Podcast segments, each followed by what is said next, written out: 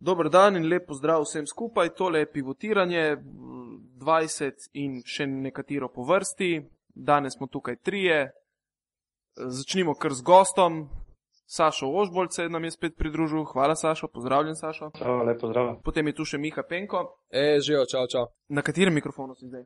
Uh, v bistvu se z vama dvema pogovarjam preko slušalk, hkrati snemam na iPhone, na iPada, se pravi, to je tri, plus ta recimo centralni mikrofon, ki naj bi potem šel v Ether 4. Ne? Ampak malo testiramo opremo. V glavnem, Sašo, jaz sem zdaj, uh, Košarkaška zveza Slovenije, pred parmi dnevi te zanimivo tvitnila. Mm, in, in si ti kaj v sorodu z Mirošem Teodosičem? Ne, ne, da bi jaz vedel. ne, nisem, nisem. Mislim, ker na uni sliki sta res ista, ne, oba tako malo bolj neobrita, frizura taka Ja. daljša kot za košarkaše. ne. tako izpadlo, ja. Ker drugače sem na košarka si prebral, da, da, da uh, brato Teodosiča ima mm, turistično agencijo. Tako da ne vem, imaš ti turistično agencijo? Ne, tudi tega nimam. Ja. Zdaj po dolgem času si se vrnil spet v eh, tekmovalen tempo, bi lahko rekel. No? Koliko časa si bil odsoten zaradi, uh, bi rekel, podaljšanega uh, kolenskega sindroma? Uh, ja, ne vem, ne vem točno z glave, mislim, da pa je bilo ene tri mesece, ja. Tako da sem se, se zdaj počasi vračam, ali pa ne vem, če se bom sploh vrnil. Ne, v bistvu sem jaz v tekmovalnem ritmu, sicer se mučim, ampak naj, najvažneje, no, da igram. Ma gre, sestaviš, mislim, vso zadevo nekako. Uh, kaj da, če lahko ponoviš enkrat? Če, če sestaviš zadevo, mislim, uh, in tekmo, in vse skupaj, in trening, predvsem. Ja, v bistvu vse nekako doziramo in fitness in trening je posebej prilagojeni. Ma- Imam človeka, s katerim delam posebej, pa pol to hlajenje, kompeksi, vse to, kar gre zraven, no, v bistvu, da potem nekako skozi cel teden nekako doziramo, da potem sem optimalno pripravljen za sobotno tekmo. Je super. Samo da. Ker lik to je nekako zdaj tema v zadnjem času. Mm, vedno več je teh poškodb kolen. Zdaj najbolj očiten primer je uh, se zgodil lih v Partizanu, ki so v devetih mesecih, mislim, da zgubili že tretjega igralca. Ne? In uh, nekako ti si to, mislim, nažalost si to izkušnjo dal dvakrat skozi. Ne? Uh -huh. ja. Uh, kako bi lahko, mislim, sam opisal, kako izgleda vse ta uh, proces in uh, rehabilitacije in, in kaj vse mora dati košarkar skozi, da se lahko vrne na nek približen nivo in ali se sploh lahko kdaj vrne na nek tak nivo, kot je bil pred operacijo. Ja, ne vem, za zunanjega opazovalca mogoče niti nima tako dobre predstave, no, kako vse to skupaj izgleda. Je pa za samega tistega, ki se mu to zgodi, mislim, zelo naporen, dolgotrajen proces. Vemo, da za rehabilitacijo kolena je, je potrebno najmanj šest mesecev. ne. V, NBA, v NBA je ta rok celo podaljšan na 8-9 mesecev, tako da že iz tega vidika, če tu pogledaš, se v Evropi dosti mislim, se nekako hiti, no, kar ni, ni pri- priporočljivo. Uh, ko se ti prvič zgodi, sigurno, ne vem, je to za vsakega neka nova stvar in uh, nekako si pozitiven, ni- nisi skeptičen, verjameš, da se boš vrnil, dosti bolj zagnan si in nič delaš tisto, kar ti je naročeno, greš na operacijo in potem tista rehabilitacija, ki potem sledi in se počasi vračaš na parket. Bolje je zakompliciran, če se ti to recimo, kot se je v mojem primeru uh, zgodilo, meni celo trikrat, ne, in potem že nekako začneš dvomiti, ne, če se bo sploh vrnil spet na tisto raven, če bo sploh še zmožen igrati. In to so potem prav tisti najtežji trenutki. No. Uh, kako recimo zgleda, mm, ne vem, koleno samo, fizično, po, po operaciji, recimo, koliko časa si ti potreboval, da si prišel, ne vem, na, na 90 odstotkov gibljivosti kolena. Si kdaj sploh uspel priti nazaj na gibljivost kolena, kot je bila včasih? Ja, zdaj trenutno je sigurno ne, mi dosti pri, pri krčenju mi krv dosti manjka, medtem ko pri ekstenziji mogoče kakšen, kakšen odstotek, dva največ. Uh, tako da mislim, po sami prvi operaciji, če je dobro narejena, mislim, da, da je koleno je normalno gibljivo. Ne? Tako da mm -hmm. mislim, s tem se pravim. Začetek mora biti pomemben, no? če, če, če pravilno operirano in če telo sprejme ta uh, uh, novi, ko se reče, ligament, uh, potem mislim, da ni nobenih težav. No? Kaj bi lahko svetoval recimo tukaj, uh, mogoče lih tem mlajšim igralcem? Uh, obstajajo kakšne bolj mogoče tudi preventivne vaje, da bi se še toliko bolj vnaprej ojačalo? Kaj bi ti delal drugače zdaj po vseh teh poškodbah v samem trenažnem procesu? če poškodbe ne bi bilo. Ne? Težko je reči, ne. Uh, mislim, sigurno gre tudi vse nekako naprej. Ne. Verjetno vsaka resna, malo bolj resna ekipa ima zdaj kondicijskega trenerja in verjetno tudi na tem področju je šlo dosti bolj vse skupaj naprej. Ne. Ve, ve se, kje so primerne vaje uh, za jačanje kolena. In, tako da mogoče jaz v začetku svoje karijere tega nisem imel. Ne. Uh, ampak uh, ne vem, jaz mislim, da je tudi zelo pomemben uh, počitek. No, sama, tako se reče, rabi, rabiš počitek. No, spoh, če so, Regeneracija. Ne. Če je tak uh, naporen ritem tekmovanja, treningov, uh, telo rabi počitek in če tega ni se hitro zgodi, da pride. Do poškodbe, do poškodbe tudi pri tistih, ki so najbolje fizično pripravljeni. Tukaj, tukaj uh, si dobro izpostavil. Uh, v zadnjem času se vedno več govori o tem počitku. Se pravi, počitek je del treninga. Ne gre več za lenarjenje oziroma za stvar, ki bi si jo športni kot vzeti, ampak dejansko v tem procesu mora biti doziran tudi pravi počitek. Ampak verjetno je težko najti ne? potem to linijo, uh, glede na to, da si tekme sledijo na, na tri dni, recimo, če igraš evropsko tekmovanje ali pa štiri dni. Uh, potem tudi čas za počitek, glede na to, da v določenih ekipah 5-6 košarkarjev nosi, nosi večji del uh, bremena ne? in najbrž tudi zaradi tega pride potem do, do te težave. Je pa verjetno bi mogli zdaj vsako poškodbo posebej pogledati, ali se je zgodila, bi rekel, sama od sebe oziroma stikom oziroma kontaktom z nasprotnim košarkarjem. Tudi tukaj ne gre enačiti vseh poškodb na, na enak način. Ja, sigurno. Mislim, tu je dosti, toliko dosti enih uh, detajlov in vsega skupaj. Mislim, tudi, eh, ne vem, jaz ali pa ti sigurno nimamo isto konstitucijo tele, ja. telesa oziroma, ne vem, strukturišic. Mm -hmm. Če bi šli v take detalje, ampak enostavno nimaš časa, nimaš, eh, ne vem, verjetno v klubu bi mogel imeti potem vsak posameznik prirejen trening, ampak to enostavno ne gre. Ne. Vsi verjetno morajo trenirati po istem sistemu in ne vem, nekateremu prej poči, nekateremu hitreje, tako kot si ti izpostavil pride do takih mm, trenutkov, ko, ko je nez, poškodba neizogibna. Ne? Če ti nekdo prileti v koleno, če imaš ti ne vem koliko ujačeno mišico, zna ligament popustiti. Tako da mislim, to je toliko enih detajlov, ne na zadnje moraš imeti tudi sreče, no, da se prebijaš skozi, skozi kariero brez poškodb, ampak eh, profesionalni šport je vedno bolj krutno, ne govorim samo za košarko, to je enostavno gladiatorstvo trenira se vedno bolj, uh, vedno, mislim, igralci so vedno bolj mišičasti, uh, ni več tiste lepote v igri, ne? zdaj se nekako igra vse bolj fizično na moč, na kontakt in uh, posledice tega je tudi večje število poškodb.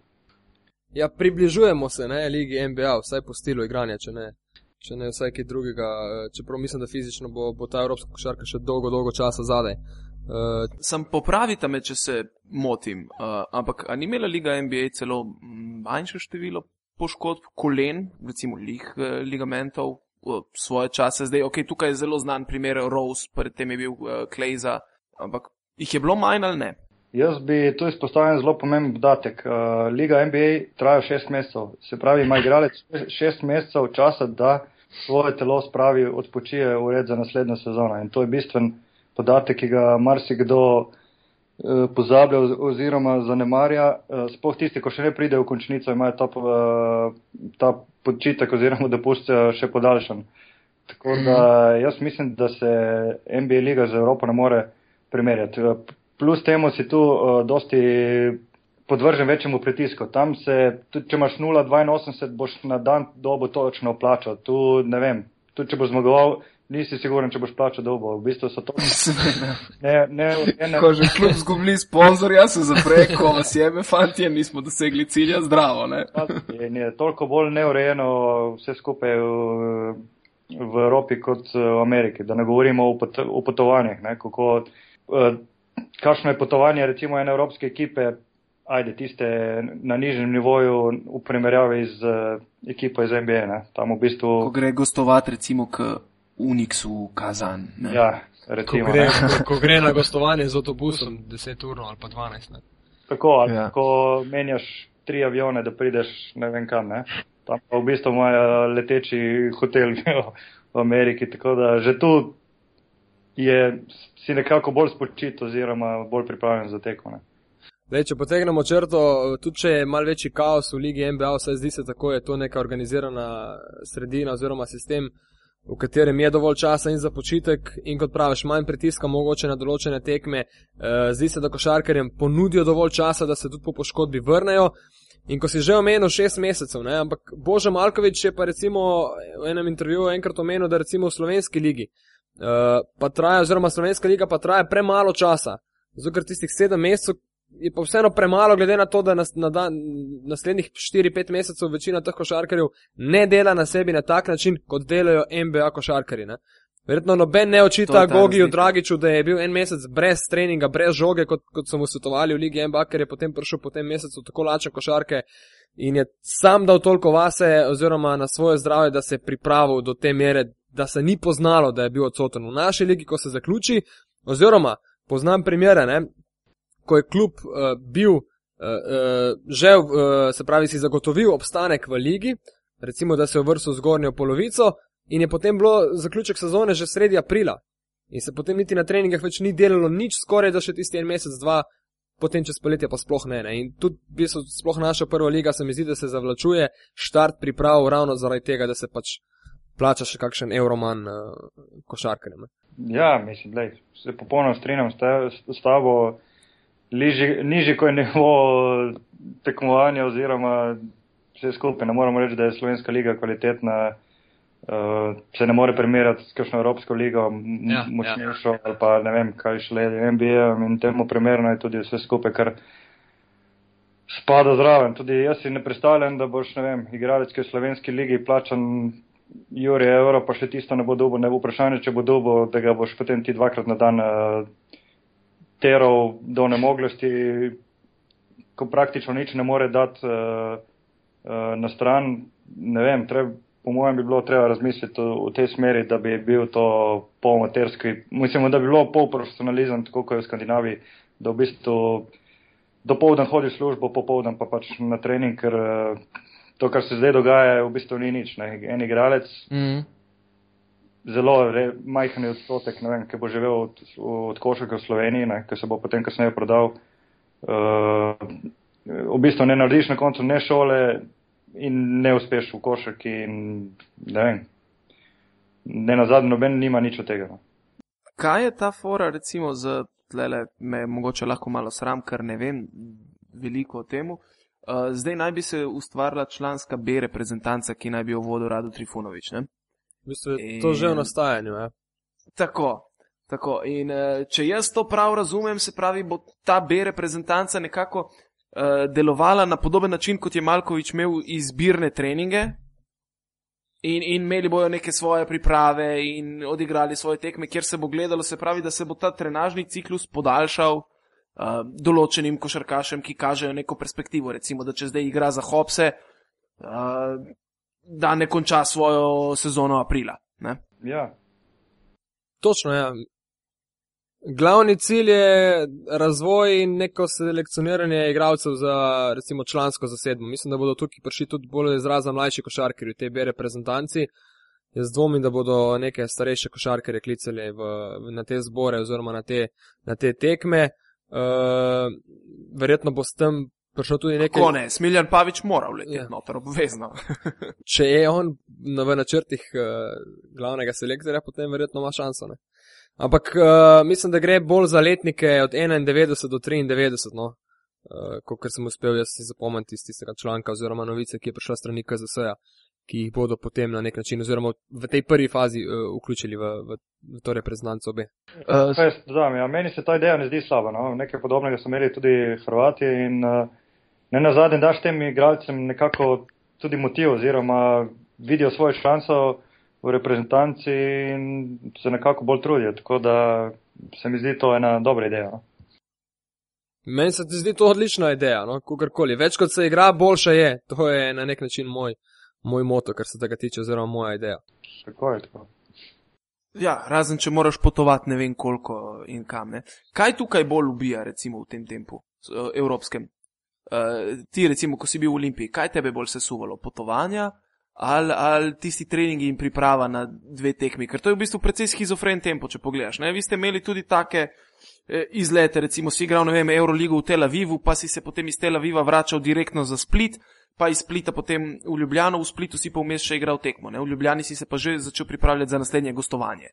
Ma, v bistvu ne toliko ta potovanja, bolje je tega, ker, ker nimaš enostavno med samim tednom, mestom, nimaš dneva za počitek. V bistvu je, mogoče tista nedelja se zgodi prosto, ko, če igraš doma, če, v, če igraš v gostih, mogoče še to ne, ker se naslednji dan spet vračaš z, ne vem, in prideš sredi nedelje domov. Zame to ni, ni počitek, še vedno si nekako z glavo. Ne moreš odpočiti, če vedno isteš, vidiš iste obraze, ki jih gledaš skozi cel teden, dvakrat na dan ali pa še večkrat. Tako da največji, največji to, no, v bistvu, ko nimaš prostega dneva. Mislim, ta potovanja to že nekako spravi skupaj, tudi dve tekmi na teden. Uh, to, da nimaš prostega dneva, je naj, najtežje in, in posledično tega dvakrat na dan trenirati. In... Se pravi, govoriš bolj od psihološke utrujenosti, ne toliko mogoče fizične, ker recimo v, na našem področju, ne, koš, Partizan, Zvezda, če sta igrala Euroligo na petek, igrata potem Aba ligo na ponedeljek začer šele. Španska liga, ACB liga pa se igra v nedeljo, ne glede na vse. Se pravi, ne, ne preskočijo enega dneva na, na ponedeljek. Ja, jaz, jaz bom rekel tako, ja. Mislim, glava je po mojem je, je čuda. Ne. Enkrat uh, je v bistvu uro slovo, ker smo bili na avionu, je dal dobro vprašanje ne. in, in sem se kar nekako zamislil. V bistvu, m, zakaj bi v bistvu sploh bili utrujeni, v bistvu na avionu samo sedimo. V bistvu se ti nekako že psihično pripraviš, ne vem, da si nekako utrujen, ko potuješ, a v bistvu samo sediš. In v bistvu je dobro vprašanje, da, zakaj, zakaj smo v bistvu utrujeni ko gremo na potovanje z avionom. V bistvu, celo pot v bistvu tam sedimo. Mo, mogoče zaradi tega, ker ste dvakrat, trikrat prestopili vmes, pa potovali na 9 ur na mesto 3. Če pogledaš z fizičnega vidika, mislim, to ne zgleda, ni, ni nek napor, ne? ampak ko pa prideš ne vem, v mesto, v katerega potuješ, prideš pa cel zmatran. Tako da, ne vem, je da. Ja, sploh če je časovna razlika v mestu, pa tudi če je ena, dve uri, ne govorimo zdaj o oceanskem letu, ne? ampak še vedno te zjebe. Jaz sem na letalu od Ljubljane do Londona zmeraj čoril ko svinja tam na unem oknu. Ne? Ja, ne vem, enostavno ko že greš v avion, verjetno imaš to v, v glavi. Moram spati, bom utrujen. In, ja. Ne vem, mogoče že psihološko, tako, ne vem. Ti da misli, no? Da, ja, sigurno. če, uh, zdaj me še nekaj zanima pri tvojem kolenu. Recimo, uh, če se jaz prav spomnim, ti si imel v bistvu uh, dvakrat različen vzrok poškodbe. Prvič si se poškodoval na pripravah z reprezentanco in tam ni, bilo, ni šlo za udarec. Ne? Uh, ne, ja. Nekako v bistvu se ti je kar pri doskoku razpadla vsa zadeva. Ne? Ja, mislim, jaz sem že težave že na koncu uh, klubske sezone, že v finalu, no sem igral skozi pod blokadami, ker me je že takrat koleno matralo in najverjetneje že takrat uh, bilo nekaj narobe s kolenom. Ne? In potem, ja, potem sem prišel na reprezentančne priprave in mislim, da mi je že v prvem tednu, ja, v bistvu sem sam zabil žogo skozi obroč, doskočil in mi ga je enostavno vrglo ven. Tako da, ko pogledaš, sigurno je mogoče že bilo načeto koleno ali pa natrga na ves, ne veš, ker po takem gibu oziroma doskoku, ki ga narediš, ne vem, milijonkrat, še večkrat v karieri, mm -hmm. brez kakršnega koli kontakta, da ga vrže ven, je mu verjetno že poslediča kakšne prejšnje poškodbe. Seveda. Uh, kaj pa recimo pol, eh, kot povratnik si se pa, kolikor vem, poškodoval na tekmi s širokim bregom, ne? tam je bil pa kontakt. Uh, ma ja, to je tako zakomplicirano zadeva in noče niti pogledati nekatere stvari, ker so bili nekateri. Ok, pardon. Ne, ne, ne, užaljeni, odpravljeni, napadeni so se počutili. Ne, to mislim predvsem za doktorje, ki so vodili te operativne posege in tako naprej. Tako da ni bila samo moja, mislim, krivda, ne, če tako rečem. V bistvu, bilo je to tako, ne, razmere v klubu so bile nikakršne takrat, v bistvu sem se nekako zdravil na vse na svojo pest, tudi blokiran račun sem imel takrat niti, ker, ker pač enostavno plače nisem dobival, prispevke treba plačevati in takrat mi je tudi zdravstvo zablokiralo, se računa, da nisem mogel niti zdravil dobiti. Ne, in in uh, šlo je šest mesecev mimo, jaz se, nikak, jaz se nisem ne fizično, ne psihično počutil pripravljen še za, za teren in takrat se je pa zmagal vrnil klub. Ne, in je rekel, da bi bilo dobro, da bi počasi uh, začel. Začel dajati svoje, ja? Ne, da se vrnemo v nagrišče in ja, mislim, da že na prvi tekmi, no, sem, ko smo igrali na Slovano, na Kodeljevem, je, uh, sem dubil uh, takoj, ne vem, že v peti minuti močen udarec s, s kolenom drugega igralca v moje koleno in jaz mislim, da se je takrat natrgalo, ker jaz takrat po tem, po tem udarcu nisem več čutil kolena stabilnega. Jaz sem šel pol s tem kolenom še na svetovno prvenstvo na japonskem. In potem, ja, potem je začel še klubska sezona, ampak, in, ampak kot pravim, kolena sem jaz čutil, da ni stabilna. Ne, in tudi potem, ja, ko si rekel, ti se je to zgodilo v, v Bosni, ampak ni bilo nekega kontakta. Mogoče me je malo izrinil, uh, samo ne vem, nisem bil stabilen. Iz osi, ne? Ja, ja točno tako. V bistvu me je telo, gornji del me je porinil in je samo od sebe koleno popustilo. No. V bistvu ni bilo neke velike sile. Ne. To bi mogel vsakemu normalnemu smrtniku, ne pa športniku, bi moglo to obremenito zdržati. Ja, tega se spomnim takrat pred odhodom na svetovno prvenstvo, ker si v enem trenutku imel v glavi samo par ljudi, ti je govorilo, pazi koleno in ti si bil mal. Igram proti dim timu, ne me jeba. pa ja, ker si mlad, ja, sigurno, mislim, lej, to mi bo stalo vedno. uh, celo življenje verjetno spominjam, ampak Lejo, jaz tudi tisti trenutek ne vem, kaj bi lahko naredil. Verjetno je bilo tudi takrat, že koleno tega udarca no, na novo poškodovano, tako da ne vem. Mogoče bi lahko več jačal, pa bi mogoče kakšen, ampak kakšno bremenito več obdržala, zdržala, ampak na dolgi rok, po mojem, bi prej slej spet popustilo. Uf, divje. Ja, ja lepa zgodba. lepa zgodba, ja, prav mislim lepa, res v e. najgrših navednicah. Uh, zdaj, če gledaš, recimo, primer Partizana. Ja. Ogromno ljudi se je zdaj začelo javljati, ja, to je zaradi Vujoševičevega sistema treningov, kako jih uh, sesuva in posiljuje ta njegov despotski način in gor in dol. Ja. Uh, ampak predtem pa je, mislim, Vujoševič se je celo javil glede tega na novinarski konferenci, da naj nehajo napadati uh, ljudje, ki tako mislijo. Ker reko tudi za prestop so se pred meseci pogovarjali z, Miha, pomagaj mi, Janis Beržins, je? Uh, misliš, brata od. Uh... Ne, ne, ne, ne, ne, zdaj so se pogovarjali z bratom od Davisa Bertansa, ja. ampak predtem so se pa pogovarjali z Janišom Beržinsom, da bi prišel v klub. Ja. In uh, na koncu je prestop padel v vodo, ker si je ta tudi sesul ligamente. In je potem Vujošovič dal izjavo, rekel: Zamislite si, kaj bi bilo, da bi on prišel v Partizan in bi si drugi dan sesul ligamente. Kako bi se šele takrat na nas usulo. Mm. Predtem pa, če se spomniš, je nekako zadnje leta, jaz se ne spomnim nekih velikih poškodb v Partizanu. Ne? In je celo v enem intervjuju enkrat Duško Vujošovič, takrat, ko so se uvrstili na Final Four Eurolige, rekel: Ni slučajno, da imamo tako malo poškodb. In uh, mislim, da je to Rado Trifunovič nekje povedal, da oni ogromno, ogromno časa, mislim, mi tako imajo treninge dolge, tudi po pet ur, uh, da nekako so ogromno časa posvetili na treningu, tudi samo raztegovanje in vse skupaj je bilo že, ogrevanje je bilo dvakrat daljše, kot je ponovadi v klubih, ne? da so res ogromno časa posvetili temu, že sami pred pripravi na trening, ker treningi so pri Vujoševiču, verjetno veš, ubitačni bili zmeraj, dejansko še hujši kot tekme. Ja, le jaz sem imel enkrat priložnost videti njihov trening in je res to, kar si rekel. Njih, pri njih eh, to ogrevanje, ogrevalni del, te strečingi in vse to, kar spada zraven, traja res pol uro ali pa še več lahko. Tako da pa tudi treningi sami se mi fizično niso zdeli eh, tako težki, kot sem jih recimo jaz doživel na svoji koži, ne vem, pri zmagatu in pri Filipovskemu in tako dalje. Tako da, ne vem, jaz bom še enkrat rekel, po mojem je to bolj uh, sluč, slučaj oziroma da se, da se je to zgodilo. Ne. Kot si že sam preomenil v prejšnjih letih, enostavno oni niso imeli dosti poškodb. Ne. Enostavno se ti zgodi v kakšnem trenutku, nekdo ti prileti v koleno in se pač ta zadeva zgodi. Tako da mogoče je edino to, ko je res uh, ta naporen ritem, tekem, se sledijo eno za drugim treningi, mogoče res nimajo časa za, za regenerirati, odpočiti telo, mogoče je tu. Ampak enostavno je ritem tankovanja tako, tako hud, da ti enostavno tega ne dopušča.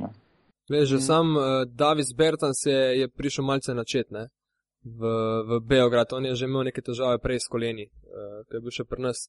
Tako da mogoče zdaj tam sam tista glavna točka bila. Je pa, gledaj, Partizan gre, gre do limita, sigurno, ker drugače teh uspehov ne bi bilo, ne bi bilo teh košarkarjev, ki se potem skušajo recimo prodati uh, v, tuj, v tujino, v druge večje klube. Ne na zadnje, koliko so oni košarkarji naredili v zadnjem letu za ostale evropske, evropske velike klube, mislim, lahko sam damo papir, pa se štejemo. In verjetno brez, da, da greš, da hodiš po limitu, po robu, enostavno do tega ne prideš. Ker če bi se mm. to uspelo dobiti na drugačen način, potem bi tudi ostali klubi prišli do zelo, zelo podobnih rezultatov. Pa je to enostavno unikum na tem področju. Edini še, ki je ostal na takšen način. No. E, včasih, ko so že imela zmaga dan, se je tudi govorilo tukaj in o Sanju Bečeroviču in o poskokih po stopnicah in, in vse možne stvari, ampak. E, o Belini, ki je spraševal, po katerih stopnicah naj laufa, levih ali desnih. Ja. Tako da, uh, mogoče res zgolj en, en slučaj, da so zdaj ravno trije košarkari iz nizkih pozicij naleteli na tak način. In, je... Ja, sem dva sta fasala svojo poškodbo direktno na, v kontaktu na tekmi. Ne? Pa še to res. Tako Westerman kot uh, Milosavljevič. Je pa sigurno, da, oziroma je dejstvo, ne, da mislim, da od petih ali pa sedmih košarkarjev, ki imajo najvišjo minutažo v, v Euroligi, so trije, če ne celo med deset, štiri od Partizana. Uh mhm. -huh. Se pravi, 33 minut, tukaj nekaj, ne, 32, 33 minut. Uh, to, je, to je podatek, ki ti da misliš. In, in potem je to, me, ravno meni se je verjetno tudi to zgodilo. Ne, uh, ti si takrat po 40 minut igral prej. In, in ne moreš ti recimo trenirati kot en, ki igra 5 minut na tekmo. Se, tu bi se moglo najti neko razmerje. Potem ga moraš skozi trening nekako od, odpočiti. Ne morem, ne more tisti igralec, ki igra 40 minut, enako trenirati kot tisti, ki igra vem, 5 minut ali pa ko je 12 igralec. Ne. Tako da zdaj jaz ne vem, kako v Partizanu te trenirajo. Mogoče se ravno, mogoče ravno to dogaja. Da... Meni je edina zadeva, še ste, ste poškodili Milosavljeviča. On se je poškodoval že v prvem polčasu, mislim, da v prvi četrtini. On je odšepil z igrišča. Tam, ja. Je odšepil z igrišča in so ga potem vrnili na, na 20-25 razlike. Mogoče ja. pa ni bilo potrebno, ne, da, se, da se njega forcira. Ne?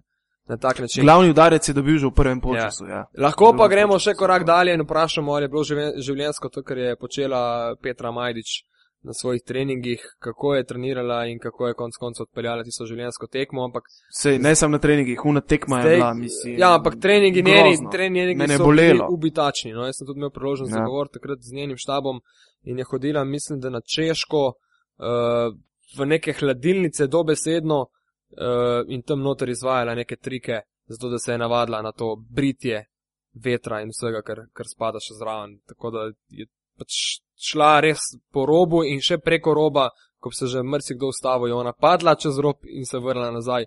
In ko danes pogleda nazaj, verjetno bo rekla, da se je pač skupaj izplačalo, ker športnik verjetno z določeno mislijo razmišlja, žal tudi o tem, da se pač lahko zgodi kakšna poškodba, oziroma je na to na nek način pripravljeno.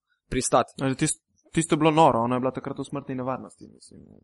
Veš, poglej, koliko je, koliko je počenih mišic pri šprinterjih, recimo, uh, tudi zaradi tega, ker mogoče po, požrejo kakšno tabletko, ko, ko ni najbolj primerna, pa so pripravljeni za uspeh to narediti. Ne? Točno, ja, ja to sem dal zdaj točnico, ker je, je bila ne, raziskava, koliko je teh vrhunskih športnikov pripravljeno, ne vem, vzeti doping, da bi bili nekoč. Uh, svetovni prvaki ali olimpijski prvaki in je bil ta odstotek uh, neverjetno visok, v bistvu se je za zamisliti, ne, na kateri uh, živijo za tisti trenutek, ne razmišljajo pa uh, o življenju po karieri, ne, koliko boš ne vem, ti poškodovan oziroma uničil svoje telo, gre za strupu uh, za tisti trenutek, da boš postal recimo olimpijski prvak. Ne? In to ti da marsikaj misliti, v bistvu, kam je, kam je šport šel oziroma kam je pripeljalo miselno športnikov, no, v bistvu, da so pripravljeni vse narediti za, za ta uspeh. Ne. In, in uh, tisto, kar je dovoljeno, in tisto, kar je nedovoljeno. Ti kam bi bil pripravljen? Ja, jaz se nikoli ne bi. Vse, vsak, ko ga bojo vprašali, bo rekel, jaz nikoli nisem pripravljen uh, vzeti dopinga, da bi izboljšal svoj rezultat. Pa, Ampak je pa drugače, ne? mislim, le. Kolektivni ali pa individualni šport se ne morete primerjati. Še vedno Jaz, če se ga napijem, še vedno lahko štirje me nekako zamaskirajo na tekmi, ali pa se nekako jaz krijem, ali pa ne vem, kam imam slabši dan. Ne? Uh, Medtem ko individualni športnik se tega ne more privoščiti. In... Da ne boš dal ljudem misli, da so tvoji slabši dnevi pri Olimpiji bili posledica tega. ne, ne, dam sam primer, ne, dam sam primer, kako, kako gledam. Ne. V bistvu nisi odvisen samo od sebe, ne. še vedno, če imaš ti slabši dan, te lahko mogoče nekdo povleče ven ali pa reši, ali pa ne na zadnje, lahko si na klopi, pa ti spoh ni treba igrati, se imaš še vedno 11 igralcev. Medtem ko individualni športnik si tega ne more privoščiti. E, preko si rekel recimo o šparanju igralcev, zdaj sem se spomnil, to je bilo dobro Bokija vprašati, ki je zdaj v Barceloni, uh, kako ravnajo z Navarotom na treningih. Ker on se včasih, mislim, vedno več ima teh poškodb, ne? tudi njegova konstrukcija telesna je res spominja bolj na udeleženca šahovske olimpijade kot na profesionalnega športnika. Ja. In eh, res me zanima, kako ga nekako v, v, obdržijo v življenju, da še vedno uspe sestaviti teh eh, občasnih vrhunskih, recimo 25 minut njegovih, v bistvu dovolj mu je vrhunskih 5 minut, da zaključi tekmo. Lej, vse se ve, kaj so njegove kvalitete, njegove kvalitete niso sporne, praktično igra celo kariero na to, kar igra je bistvu mm. napadalec, eh, fizično vemo, kakšen je, ni neki superioren, v bistvu nima nobene mišice na sebi. Eh, šli so sem dosti krat, da v bistvu v fitnessu, ne vem, dela svoje posebne vaje, ki misli, da mu njemu najbolj koristijo in on tako najboljše funkci, funkcionira. Vem, A sam si sestavi program v bistvu, ne, mislim čisto. Slišal sem tako, no, da dela pač posebne, ne vem, vaje, ki njemu ustrezajo, ve, da tako najboljše funkcionira in In ne na zadnje, res najboljše tako funkcionira, razumeti, pokazuje to in to je najpomembnejše. Ker jaz se ne predstavljam, da bi nekdo hotel njemu najprej mišično maso nabiti, kar, če malo karikiram, bi se znalo zgoditi, recimo, ne vem, pri kažem, da ne rečem slovenskem, ampak jugoslovanskem trenerju, čisto iz tega prostora, da bi ne rekel, fant, ti nisi fizično dovolj močen, spok, da greš v člansko košarko. In, bi ga, in potem bi rekel, kakšen ta floater mečeš, kaj si normalen, in, in kar nadma ne bi več imel novarota. No, bil je v Barceloni Duško Ivanovič, trener, tam nekje do 20. Ja. Uh, mislim, da je kakšni dve sezoni in pol zdržal. Ja, sej, Čavi pa skval ga je pol zamenjal ja. tri sezone. Ja. Mislim, lej, vsak, ma, vsak trener ima svojo filozofijo, svoje razmišljanje. In zdaj pa pametovati, kira je tisto najboljša, ne vem, je težko. Je, sploh v taki skupini individualcev je težko vse zadovoljiti. Ne. Tako da si pa ne predpostavljam, ne, se, se ne moreš, recimo, da bi zdaj pa 12 igralcev vsak po svojem pre, programu delalo, pa tudi enostavno ne gre. Ne. Ne Tež, težko je najti oziroma zadovoljiti vseh 12 igralcev. Kaj se pomaknemo še malo proti Euroligi, da recimo potegnemo črto pod koleni, ali Miha sva še kaj pozabila? Ne, ne, mislim, da smo ga zaslišati. Da smo povedali čist dovolj in še mogoče preveč o vsem skupaj. stvareh, ki upam, da jih ne bomo več kaj veliko doživeli v letošnji sezoni. Ja. Si gledal Euroligo, Sašo, zdaj si gledal mogoče eh, CSK Real. To me najbolj zanima. Uh, gledal sem prej polčas, ja. O, pol si videl dovolj. Ja, in sem verjel, da, da, da, bo Real, da bo Real zmagal, pa, pa me nekako, potem ko sem videl rezultat, me kar presenetilo, no, da je kaj bilo, kar se je vrnilo, ne pol za CSK. Real se je že vrnil na koliko? Pet pik? Ne? In potem so jo nekako spet zgubili. Ampak v prvem poču se mi zdi, da je bila narejena ta bistvo te tekme. Nekako je prvič Real bil popolnoma nebogljen v napadu. Uh -huh. ne? Ja, ja, Medtem ko je CSK s svojimi mismeči enkratno izkoriščal, v Krstiče je naredil fantastičen posel, verjetno najboljši v sezoni. Uh mhm. -huh. Najbolj noro mi je pa bilo na koncu videti, ker š, eh, od, vseh, od vse drame, recimo, Spet se je videlo drama med uh, Borusijem in Krstičem, ki imata že svojo zgodovino kafanskih situacij. Ja.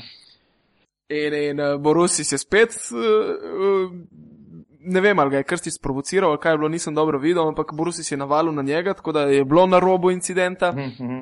In na koncu je uspel še tvoj, uh, uh, kako bi rekel, ne sorodnik, no, ampak Teodosič je uspel sprovocirati še Rodrigeza. Tako da nekako igralci Ej, ej, Reala kar niso eh, mogli verjeti. Pardon, imitator Saša Ožbrta, Miloš Teodosič. Imitator Saša Ožbolta, hvala, hvala. To, to sem rabo, jo, to sem rabo. Ne, veš kaj bi jaz rekel, le, mislim, po mojem je zdravo, je zdravo za, za Real, da je izgubil eno tekmo, ker ni, ni dobro piti, recimo na Final Four pa v zaključne, Samim zaključne ja, sami zmagami, ker enostavno ne veš, kako ekipa reagira, mislim, enostavno ekipa mora zgubiti, da ve, kako reagira tudi po porazu in uh, jaz mislim, da jim to prej, ta poraz prej koristil kot uh, škodo. Spomnim se tiste zgodbe od CSK, ne, ko se je organiziral tudi CSK, um, mislim, fin, fina, uh, finalni turnir v Moskvi, pa ne vem, CSK prišel, mislim, da 34 zmagami ali koliko pod vodstvom. Mm. Uh, Uh, koga, Dude Jukovič, Jukoviča, pa so potem v polfinalu izgubili ne? pred svojimi Ja. gledalci tisto pomenilo tekmo. Ja. Tako da se pravim, zdravo, no, da so zdaj izgubili tekmo.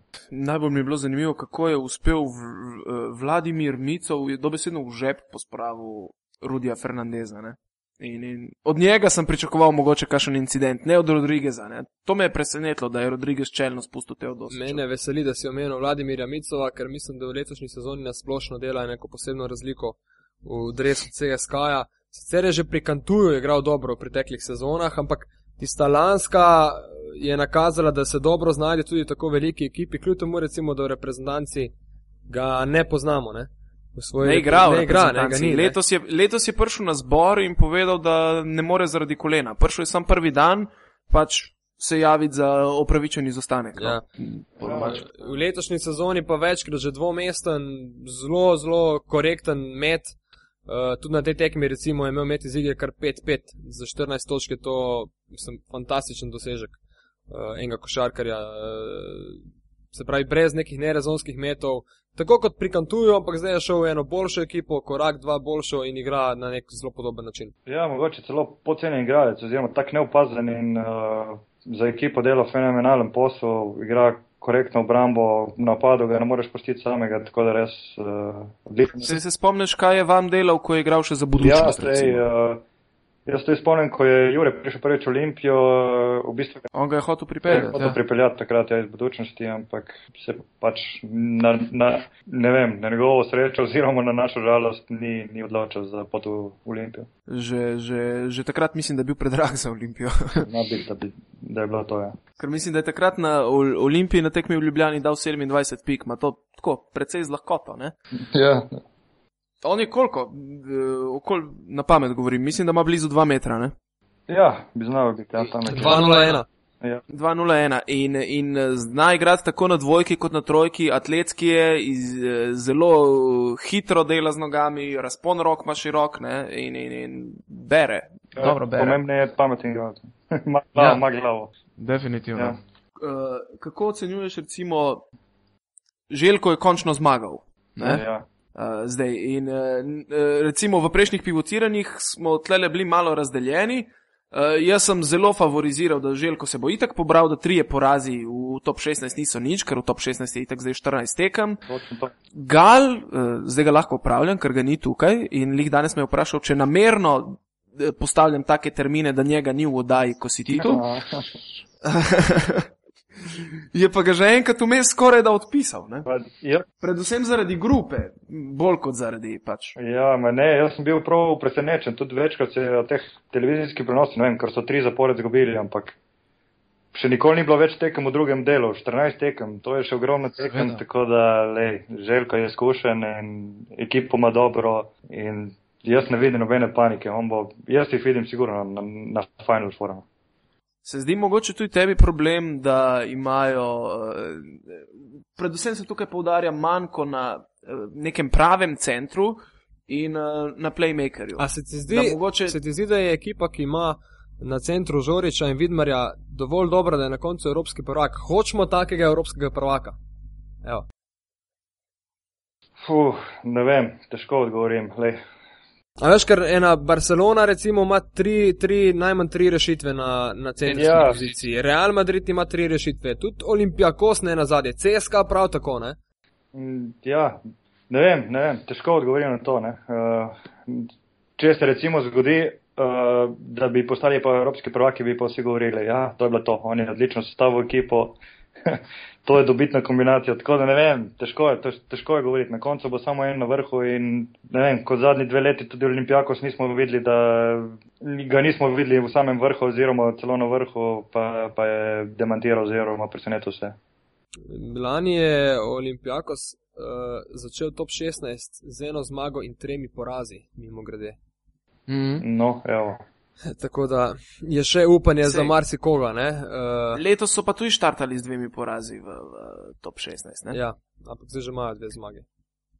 Ja. Nekako uh, slišal sem komentarje, da to Olimpijako zdaj samo spet štima nazaj pozicijo, da postanejo underdog, ne? ker so imeli v prvem delu 10 zmag in to je bilo malo neobično za njih v zadnjih treh letih.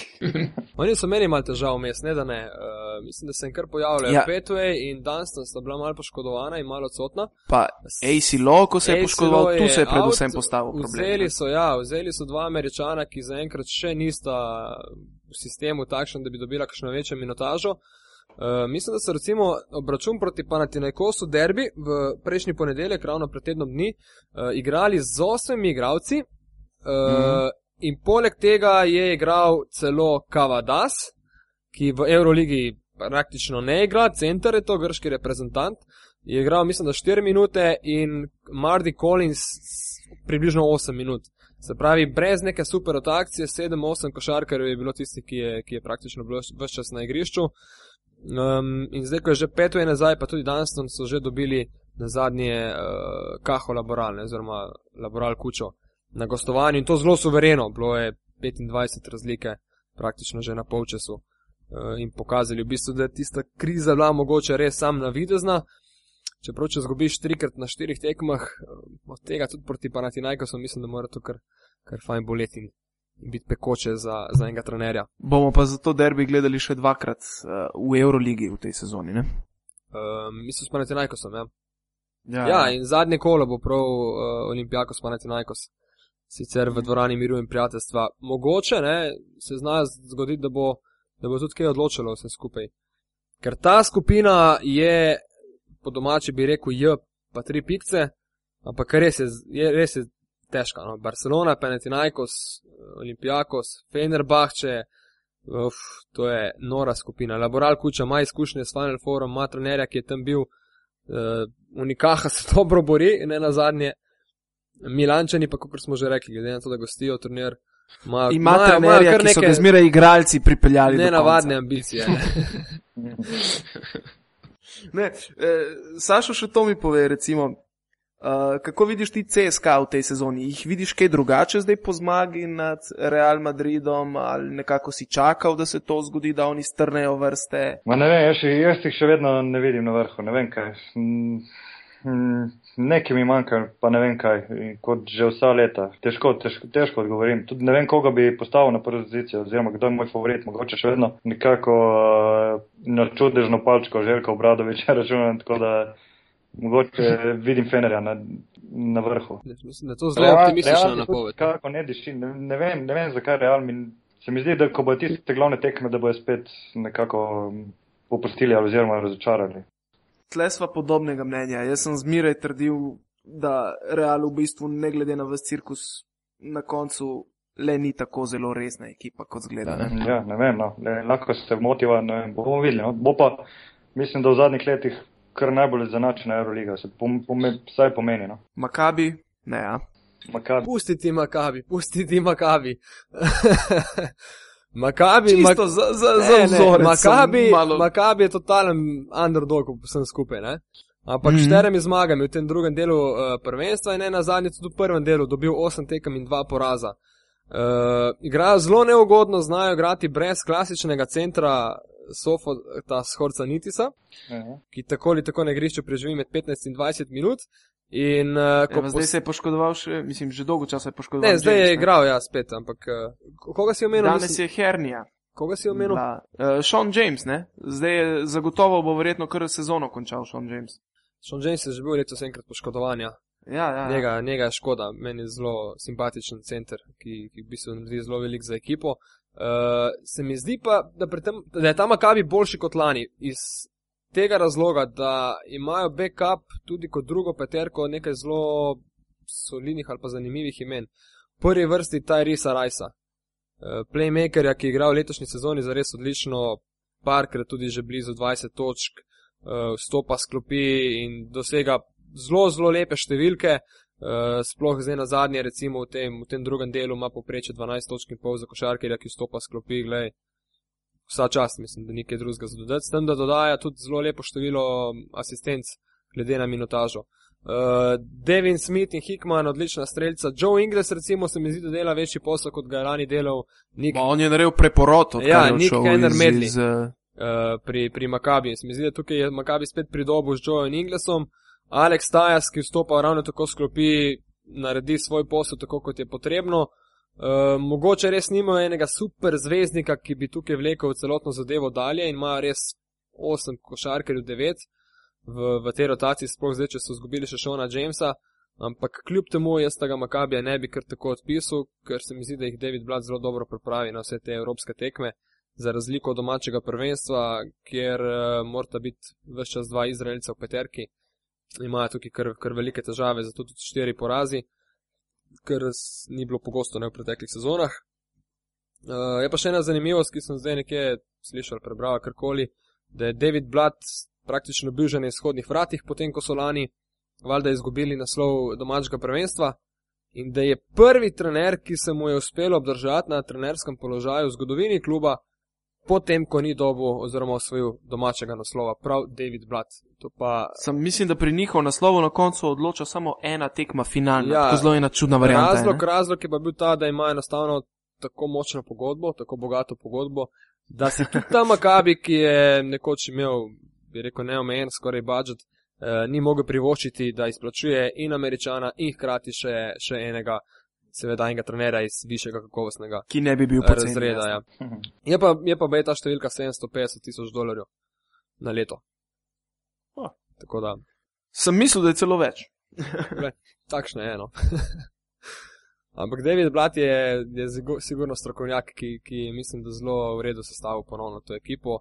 Uh, mogoče ne tistih prvokategornikov, ampak praktično vsi, ki so v, v tej ekipi, dajo več od sebe, kot bi dali v marsikateri drugi ekipi pripravite ga ta res rajsa, da bo drugi playmaker, potem ko je bil uh, bolj kot ne vajen, da je imel glavno besedo in lani in v Nemčiji in predtem pri letu v Sritasu v Litvi, gled, mu je že uspel velik posel že s tem. Že ve, zakaj je plačan. Ja. Ampak ni to tako enostavno, ne reči, že veš, zakaj je plačan. Se veš, da se marsikdo ne podredi, uh, recimo, sistemu ali pa klubu. Meni, meni je tak fenomen na nek način tudi Don Tate Draper pri Realu. Ja, ki je prišel kot najboljši ali pa eden najboljših košarkarjev v Evropskem pokalu v tisti sezoni, prva peterka. V Real pa je sposoben prevzeti v bistvu tretjo, tretjo pozicijo organizatorja igre v, v ekipi. Ja, ja. To je meni fascinantno, ful in v Realu, in v Barceloni. Ne? Če pogledaš recimo uh, center Barcelone, mm, fuk, kako sem ga zdaj izgubil. No? Joe Dorsey. Joe Dorsey, hvala. Ja. On je odšel iz Olimpijakosa po, uh, po odhodu Dude Jukoviča, se pravi, ko je bil že nov trener Barcokas. Lik zaradi tega, ker ni bil zadovoljen več svojo vlogo v timu. In, in opozarjalo se je, da je to zelo težaven igralec z uh, visokim ego. Jaz se ga spomnim še iz časa, bral sem jih eno knjigo uh, o količ košarki ameriški, kjer je razlagal, kako bo on Grega Odena pospravil v žep pač na eni tekmi izmed dveh količev. Ja, zdaj ga lahko sigurno. Zdaj ga lahko sigurno, ja. Oden je vmes doživel marsikaj, ampak takrat to ni bilo tako. Oden je na količu haral, po dolgem in počasne. Uh, in, in vsi so opozarjali, da je v bistvu to zelo uh, težek igralec in da je ga v bistvu samo Duda Jukovič nekako uspel uh, pokontrolirati. Ne? Ampak letos zaenkrat ni nobenih težav z njim pri Barceloni. In nekako normalno je, da vsak igralec, ki pride v Barcelono, če ni navaro, uh, je prišel tam in bo imel manjši učinek, kot ga je imel kjerkoli druge. Ne? Recimo to najboljše se vidi na primeru Bokija Nahbarja in, in Bok je recimo zelo zadovoljen s svojimi igrami, ki jih letos kaže. Predvsem pa to kaže minutaža, ker mislim, da ima zmeraj okoli 20 minut na tekmo in to med v Barceloni je enkrat. ne. Mm. Ej, jaz se oprečujem, ampak jaz vaju bom mogel zapustiti. Ej, odlično, odlično. Sej, mislim, da je čas, da tudi končamo zadevo. Mal smo bolj razvlekli kot sicer. ja. Uh, ej, Sašo, najlepša ti hvala spet, da si prišel. Hvala vama za povabilo. In želim ti čim več sreče, in predvsem v zdravju, in uh, sestavi še kakšno sezono. No? Ja. Škoda bi bilo, da nam odideš. Okay, hvala. Čau, čau. Ajde, Ja, čau, čau. čau. Ok, se pravi, Sašo nam je zbežal, dosti je imel uh, našega modrovanja, odšel je na trening, kar je dobra novica, se pravi, še vedno trenira.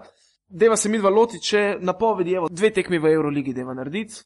Na prvi pogled bi rekel, da bosta najzanimivejši vsaj po imenih in po derbih, verjetno med Panathinaikosom in Barcelono in med uh, Real Madridom in Makabijem. Ti prepustim čas, da poveš kaj o Panathinaikosu in Barceloni. Um, ja, mislim, to je e- euroligaška klasika. Ne? To so tekme, ki jih radi spremljamo. Tekma bo sicer v petek zvečer. Uh, mislim, da celo jaz spremljam, tokrat ne v družbi Primoža Bresca, ki se zelo verjetno že v četrtek vrača, kot mi je prej sporočil, nazaj v Rusijo. Očitno je Bravo, Brezak. bo, uh, bolj kot ne saniral, ni še 100 odstoten pravi, ampak očitno dovolj dobro, da, da, da se vrne. Um, pa na Tinajku so eni zelo dobri seriji v zadnjem času, meni se tudi trener Argiris Pedolakis uh, mi je v bistvu zelo všeč, njegov način dela, njegovo razmišljanje, to, kako je vstopil v čevlje Željka Obradoviča. Barcelona pa se mi zdi, da iz tekme v tekmo igra bolje, ni se zgubila v tem drugem delu. Težko bi tudi rekel, kdo je favorit. Uh, je pa Dimitris Diamantidis v zadnjem času spet dokazal, da, da je mojster, Mm, ne glede na leta, da bo leta star 34 let igra na svoji poziciji fenomenalno. Mislim, te asistence, ki jih on zbira v tem drugem delu Eurolige, je, to je 9,3 poprečje. To je tako vrhunsko za, za evropske razmere, da, da si Da to težko, težko sploh predstavljamo. Mislim, njemu manjka ena asistenca na tekmo, da ima dvojni dvojček, uh, glede na to, da dosega 11 točk v tem drugem delu Eurolige. To je neverjetno. Sploh, da vemo, da je asistence še dvignil za, za dve, pa še točke za, za dve točke, glede na prvi del sezone. Mislim, da bo Diamant samo šest tekme v tekmo boljši. Še enega košarkarja, ki bi tle izpostavil, je uh, američan Ramel Curry, ki mislim, da se je Mhm. zelo dobro vključil v celotno zgodbo. Uh, vse je dvomestno v tem drugem delu, tudi na derbiju proti Olimpijakosu odigral zelo, zelo dobro tekmo. Uh, ne igra mogoče največ, ampak zelo racionalen košarkar, ki v bistvu počenja tisto, kar mu je mesto, čaka lepo na tiste odprte mete. In Panathinaikos z Diamantidisom in s Karijem, mogoče bo malce mogel dodati roko Ukič, Uh, mogoče je imel samo en preblisk Nikos Papas v letošnji sezoni, to je bilo ravno v Beogradu proti Crveni zvezdi. Gist in Lasme pa tako ali tako v bistvu kraljujeta pod košem s tistimi značilnimi akcijami. kakšne živali. Ta dva tako fizično igrata in mislim, da na tej tekmi bo tako zanimivo gledati dvoboj pod košem, ja. ker to bo vojna. To bo vojna. Ona dva, dobesedno. mislim, da bi počasi rabila tudi kakšen dovoljenje za vzletno, glede na to, kaj počnete zadnje čase. Je pa James Gist naletel na še enega boljšega, ne obramnega košarkarja. Uh, druga najboljša akcija v, v top 10 zadnjega kola Eurolige je Gašpr Vidmar. Mhm, Gašper, ki Vidmar. je Jamesa Gista lepo zalepil. Ampak ne glede na to, no, Gibbs je v letošnji sezoni znova, znova zelo dober. Ampak tisto, kar je najpomembnejše, je, da v bistvu vsak da od sebe v tej ekipi tisto, kar je sposoben, da nihče ne izumlja nekih, nekih novih zadevščin. Verjetno neka napoved proti Barceloni je pa mm, praktično nemogoča. No. Nam bo pa še toliko bolj zanimivo, ker so Slovenci na drugi strani. Držimo pesti tudi za Lorbka, da čim prej dobi svojo tisto pravo formo, kjer se je vedlo, kadar je Barcelona bila v problemih, ko se je igrala ključna akcija, je Lorbek dobil žogo v roke. Ne. Ja, pa si sem umijataša, mislim, da že zelo, zelo poznajo. Na prvih tekmah je igral malce manj, zdaj pa vse Le, leta. gre se za najbolj plačanega igralca Barcelone vseh časov. Ne. Tako da. Gre, zdaj ima tudi minutažo med 18 in, in 22 minut nekje tukaj. Kaj pa Real Madrid Makabi? Evo, to bo še ena, upam si reči, zelo hitra igra iz obeh strani. Na eni strani železna in atletska obramba Makabija, na drugi strani uh, hitra in pametna. uh, Manj železna obramba Madrida, mislim, železna na drug način. Si upaš napovedati, kdo bo zmagal, gremo direkt na Real, ali, ali ti veliko tukaj si prej pohvalil Makabi. tako da- Ja, v bistvu težko verjamem, da bo Real izgubil dve tekmi v Euroligi zapored. Čeprav sem težko verjel, da jih bo Fenerbahče in da bo Olimpijakos, ampak se očitno to dogaja. E, mislim, da bo zelo, zelo naporna tekma to za Real Madrid. Gal se z mano ne bi strinjal in bi, bi stavil keca brez težav na, na Real Madrid. Jaz mislim, da tudi. Jaz bom pogledal na kvoto najprej. Jaz mislim, tudi če bo Makabi zgubil to tekmo, ne bo razlika prevelika in bo tekma odprta do konca. Je pa v bistvu izhodišče tekmecev različno. Ne? Real je izgubil prvič in bo zdaj važna tudi ta reakcija košarkarjev po porazu. Makabi pa v bistvu prihaja. To se je že pokazalo na tekmi proti Unikahi, ne? reakcija. Ja, in Makabi pa prihaja v bistvu kot neporažen uh, zadnjih, mislim, da osem tekem celo v. V Euroligi. Ampak je pa to ena klasika, ki se je začela že, evo, da izdam, ker sem danes ravno delal magazin Eurolige, uh, že leta 67.